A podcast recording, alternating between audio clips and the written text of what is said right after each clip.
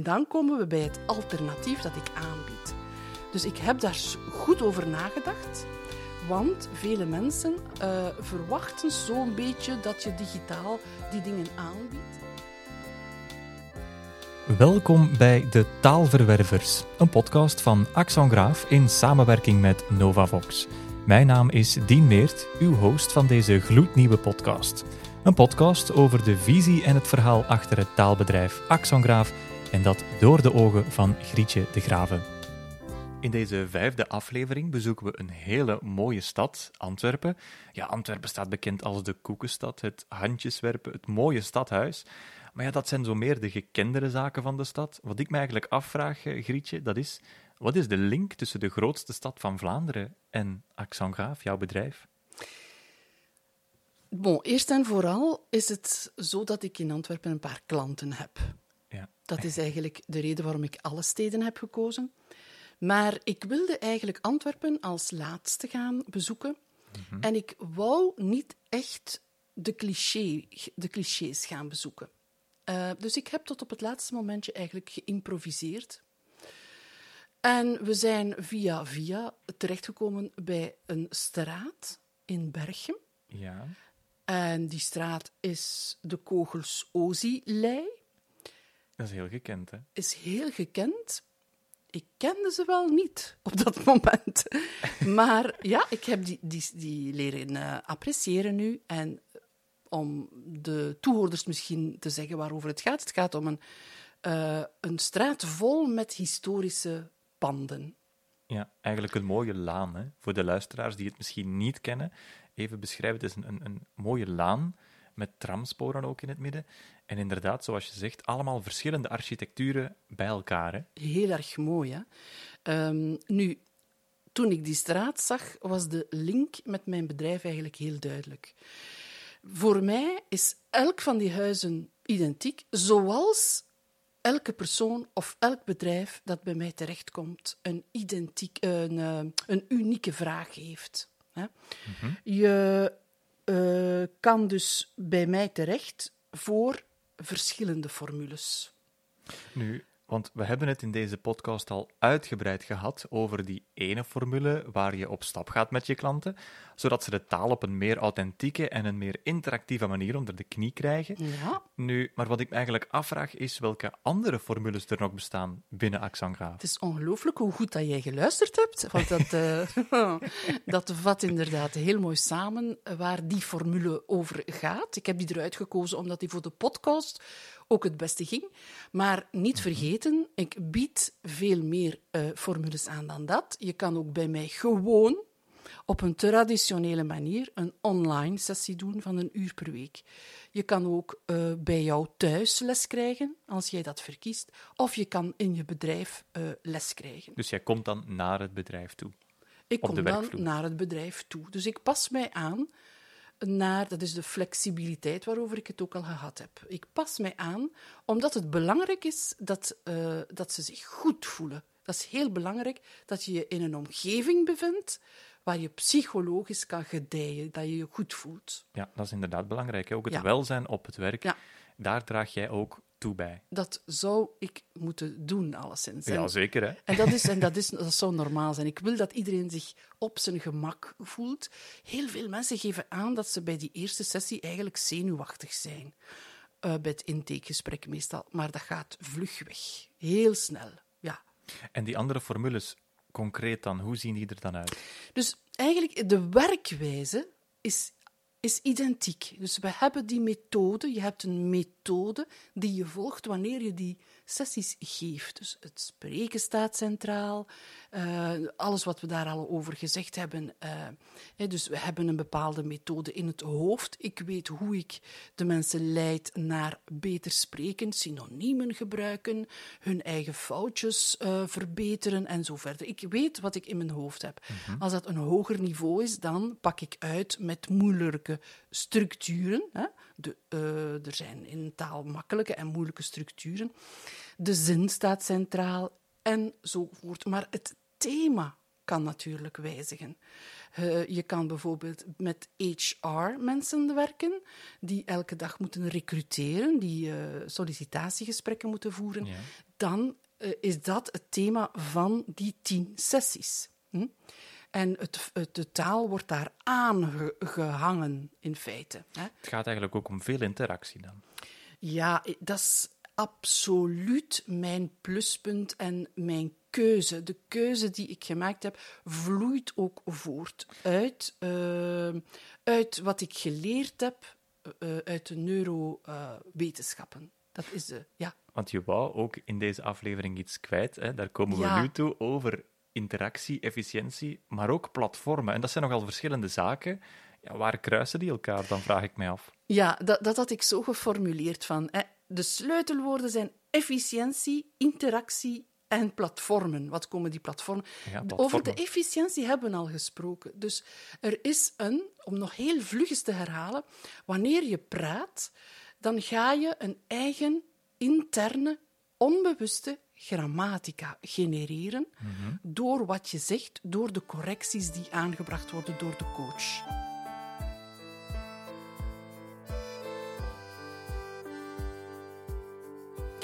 En dat is wat ik bedoel met interactie. Het is puur interactie, omdat dit de beste manier is om een taal te leren. Dus dat is een keuze. Ja.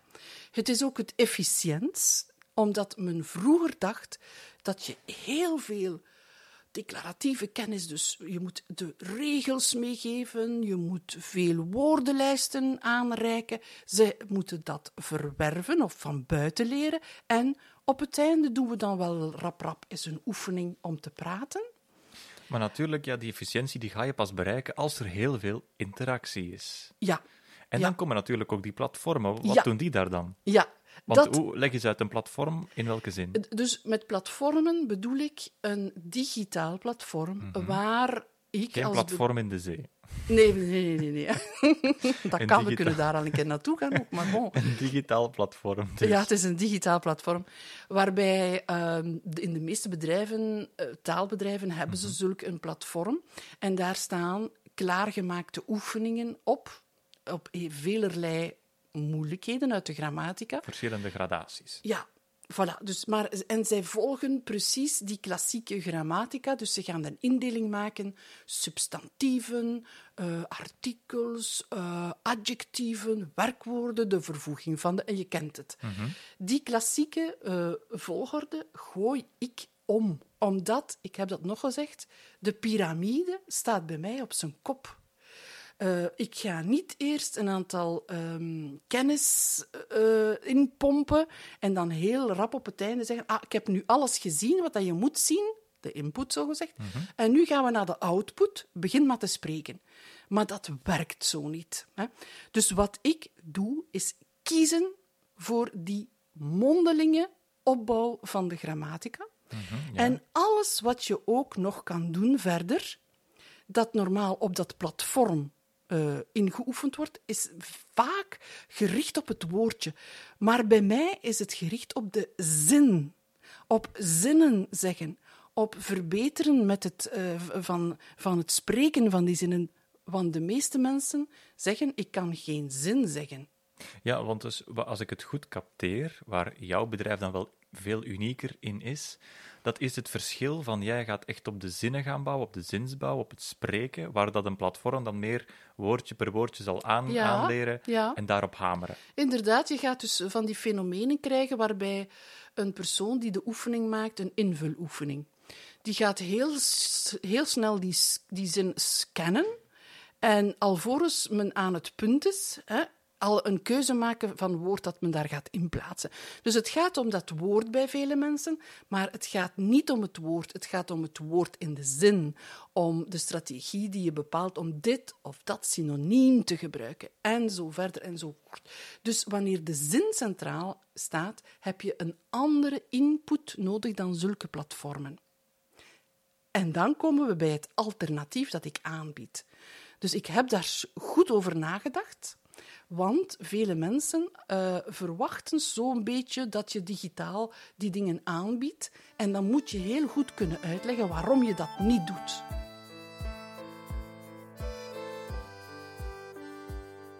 we zijn hier in Antwerpen, meer bepaald in Berchem. En we maken een uh, wandeling door de kogels Ozi-lei. Nu, ik stel me voor dat uh, niemand dat eigenlijk kent of weinig mensen, maar ik laat een bewoner misschien aan het woord. Dus ik stel u voor aan Ivo. Dag, uh, mevrouw. Wat is er speciaal aan deze straat?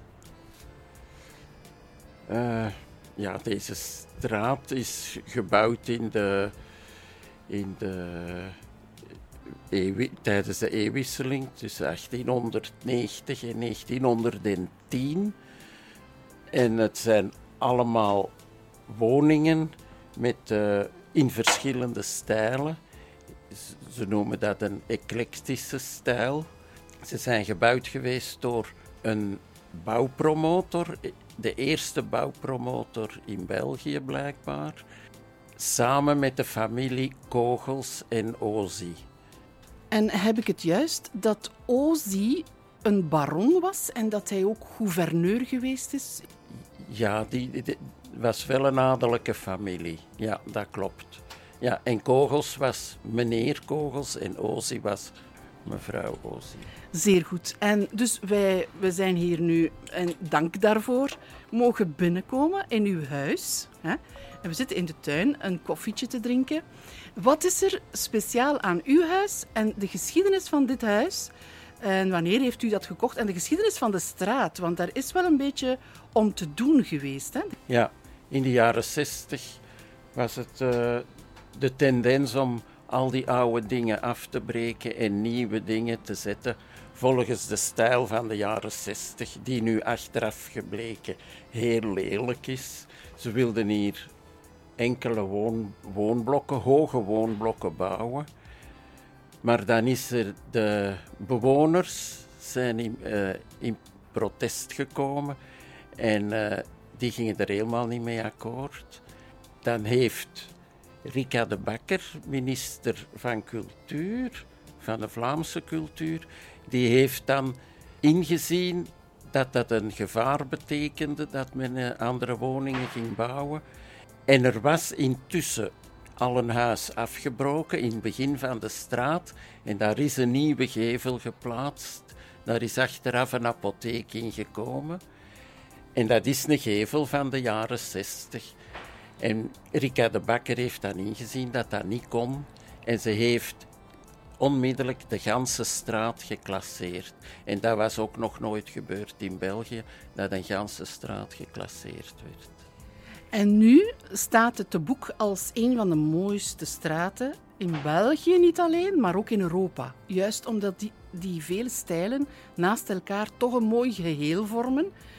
Uh, dus men ging bijna alles afbreken en men heeft dat gelukkig niet gedaan. En in die tijd was het aankopen van zo'n woning niet zo duur in deze straat. Uh, wat is de geschiedenis daaromtrent wat u betreft? Hebt u, was, was u een van die eerste aankopers? Nee, wij wonen hier nog maar acht jaar. Dus uh, wij waren niet een van de eerste aankopers. Ja, en ik, ik kan al raden waarom jullie dit gekocht hebben. Want ik heb, eh, we zijn gewoon door de gang gestapt en ik zie dat er nogal wat kunst aan de muur hangt. Dus ik denk dat jullie gewoon ook voor die kunst, die stijl gegaan zijn. Hè? Dat denk ik. Ja, we houden van mooie dingen. Althans, dingen die wij mooi vinden. Anderen zullen dat misschien niet zo mooi vinden. Maar uh, ja, inderdaad.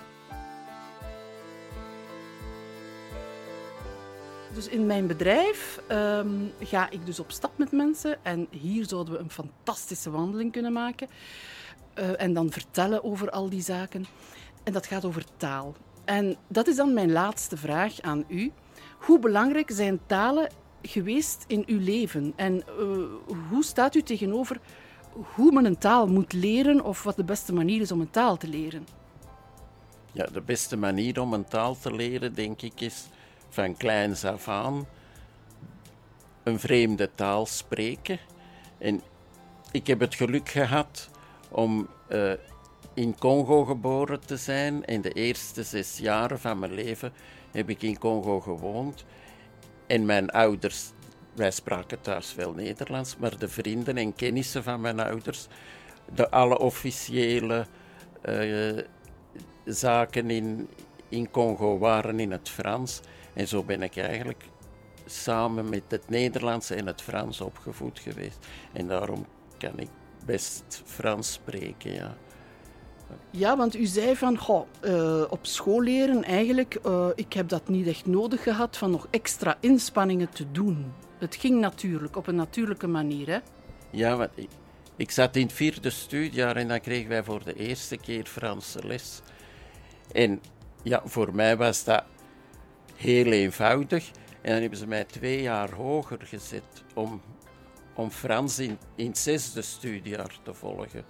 Samen met allemaal kinderen die twee jaar ouder waren dan ik. Voilà, heel erg bedankt voor dit uh, mini-interview. Maar uh, we hebben gewoon op alle vragen die belangrijk waren een antwoord gekregen. Ivo, nog een prettige namiddag. Bedankt voor de koffie. Misschien wel tot ziens. Ja, graag gedaan en veel succes.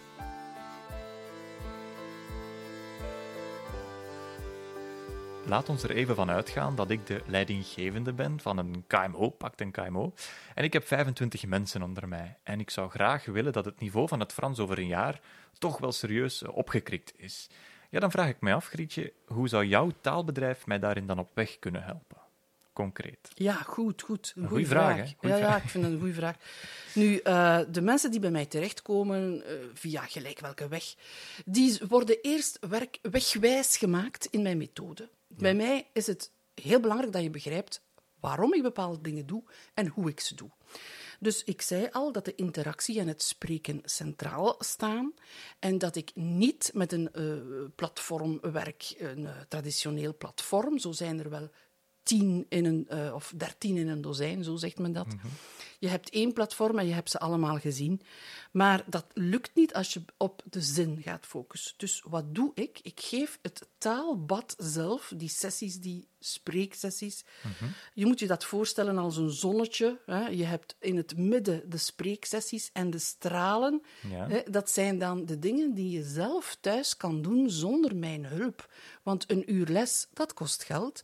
En wat je niet uh, alleen kan doen, gaan we dus samen doen. Dat is interactie. Dat is wel mooi gezegd natuurlijk. De zon hè, en de spreeksessies en ja. de straaltjes, ja, die maak je dan zelf. Die ja. kan je zelf gaan oefenen. Zo zie ik dat. Mooi dat gezegd, is, hè? Ja, ik visueel heel graag. Um, en en die, die, straaltjes zijn dan bijvoorbeeld luisteroefeningen. Nu, dat, je kan zeggen, ja, luisteroefening, dat is ook klassiek, hè? maar ik doe het op een andere manier.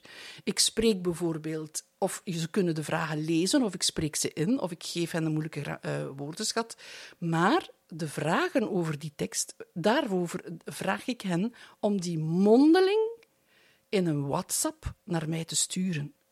Zodanig dat ze een spreekoefening hebben, alhoewel het zogezegd een luisteroefening of een tekst is, enzovoort. Dus het spreken staat ook daar centraal, maar de bronnen, de teksten, die kun je zelf lezen. De, een 15 minuten video bekijken. Ja, voor een niveau C, hè, dan ga je niet meer twee minuutjes, maar 15 minuten of 20. Ja, dat is tijdverlies om dat samen te beluisteren. Dus zeg ik, beluister dit zelf en beantwoord de vragen, of maak een, via WhatsApp, of maak een samenvatting. En wij zullen dan in de sessie wat je geschreven hebt bespreken. Mondeling. Dus ze, ze, sturen dan een, een uh, audiofragment door ja. naar jou via ja. WhatsApp. En die feedback die wordt dan tijdens de sessie behandeld. Absoluut. En dat werkt heel erg goed. Want ik Daar heb krijg dat... je positieve reacties op? Och ja, ja, ja, ja. Uh, ik, kan je, ik kan je daarvan voorbeelden in geven. Maar dus mensen ja. sturen graag. Ik zeg van. Uh, uh, geef mij eens een tekstje daar rond, ja, dan doen die dat. Hè. En ook bijvoorbeeld als ik met vakantie, wanneer ik met vakantie ga, zo is het begonnen, ja. dan wilde ik hen niet in de steek laten, want en zo er was dus een via breuk. WhatsApp. En zei ja. ik van, doe dat, dat, dat. En dus er is heel goed over nagedacht.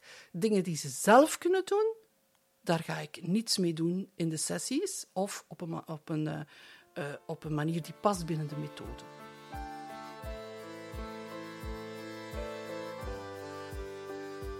Als ik het goed capteer, dan waarom zou een bedrijf dan best kiezen voor Axon Graaf en niet voor een concurrerend taalbedrijf? Is omwille van die aanpak, ja. ook als je bijvoorbeeld een periode niet zo actief zou zijn, dan kunnen ze nog altijd via WhatsApp toch dingen doorsturen. Ja, dat is ondertussen mainstream. Ik bedoel, ondertussen is dat niet alleen maar voor wanneer ik met vakantie ben.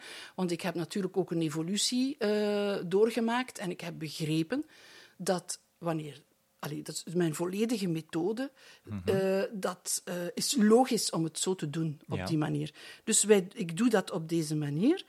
En daardoor ga ik ook de mensen hun eigen leerproces een beetje in handen geven. Want geef toe, een Meer bedrijf controle.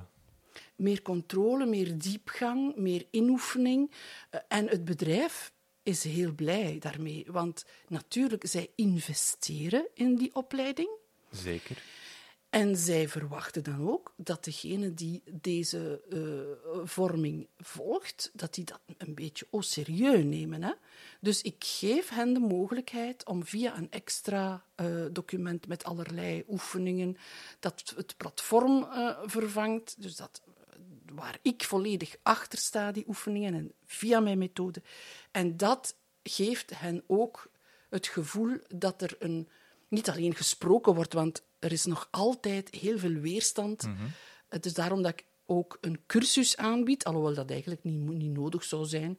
Die extra oefeningen zouden voldoende moeten Maar zijn. merk je dat klanten dan echt wel dat appreciëren, dat mondelingen vooral, dat ze daar ook feedback op Oh krijgen? ja, ja, ja, ja, ja. Ah, ze zijn vragende partij. Ah, voilà. Ja, ja. Dat is, dat is Uit de veel beter dan- intakegesprekken. Dan, dat, eh, dan al die droge leerstof eigenlijk, Ah, ja. en zo.